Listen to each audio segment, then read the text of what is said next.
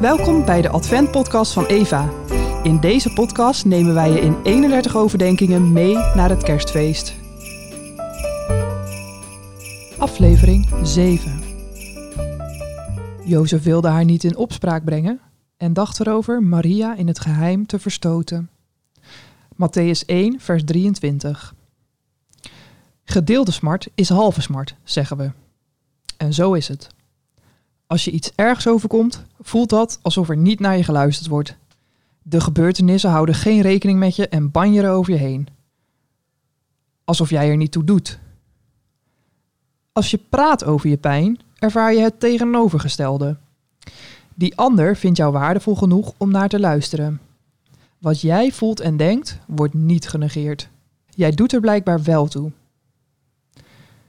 Jozef kon met niemand praten over zijn twijfels over Maria, zijn verloofde.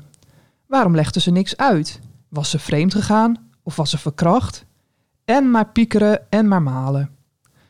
Wat een opluchting toen die engel kwam. En toen vertelde hij ook nog eens dat zelfs God met ons is. Kerst verlicht onze eenzaamheid. Hij die alles omgeeft, God, leeft met ons mee. De grootste van allemaal deelt in onze pijn en luistert naar ons. Het heelal lijkt nu wel een groot luisterend oor, een groot kloppend hart, een grote arm om onze schouders. Hier en nu is God met je. Hij kent je. Altijd. Wil je blijven genieten van podcasts zoals deze? Ga dan naar eva.eo.nl/slash abonnee en steun ons.